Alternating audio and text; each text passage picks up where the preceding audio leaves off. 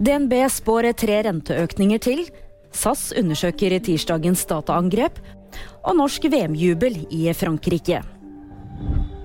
DNB-økonom Kyrre Omdal tror det blir tre renteøkninger frem mot sommeren. Han mener det kommer en i mars, en i mai og en i juni, skriver NTB. Han peker på dagens sterke veksttall, økt prisstigning i starten av året, en svekket krone og høyere lønnsvekst i fjor som grunner til de mange rentehevingene. SAS undersøker nå tirsdagens dataangrep. Flere kunder fikk opp andres opplysninger når de logget inn i SAS-appen.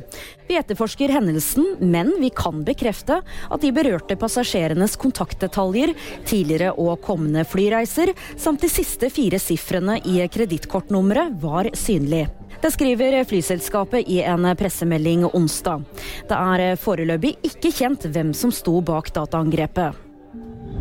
Maria Therese Tviberg vant VM-gull i parallellslalåm i Frankrike onsdag ettermiddag.